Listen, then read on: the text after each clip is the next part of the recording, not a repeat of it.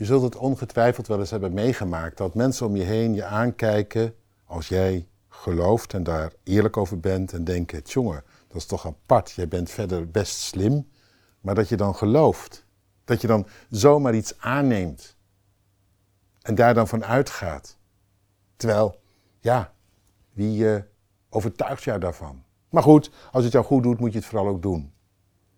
Zo, uh, zo vrij zijn we intussen wel.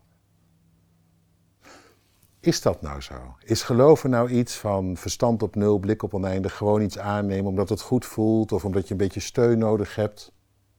Is geloven iets van een soort emotie waar de ene ja, iets goeds aan beleeft de, en waarbij de ander zijn schouders ophaalt? Nee.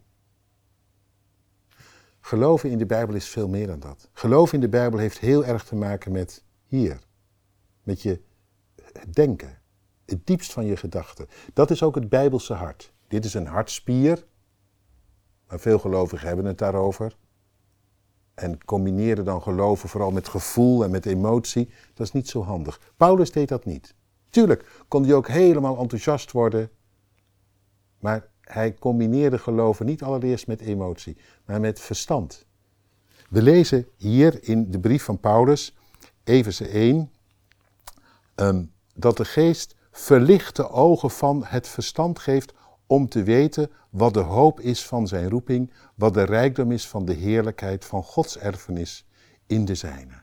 Hé, hey, de geest als eye-opener, de geest die te denken geeft, verlichte ogen van het verstand, vind ik mooi. Je ziet dingen die je daarvoor niet zag en het verrast. Tuurlijk geeft dat een nodige emotie of soms ook verdriet, want je ogen zullen maar open gaan voor de werkelijkheid van jouw eigen leven en hoe uh, vaak het helemaal niet lijkt op wat God bedoelt. Dan ben je, nou ja, voor jezelf misschien heel tevreden, maar dan houdt God je even de spiegel voor en je ziet ineens, God er mankeert van alles aan. En je bent zomaar in tranen. Of, ja, terwijl er van alles aan mankeert, dat God zijn hart laat zien. En dat het door die Bijbelwoorden heen heel helder voor je wordt. Het komt zomaar naar je toe.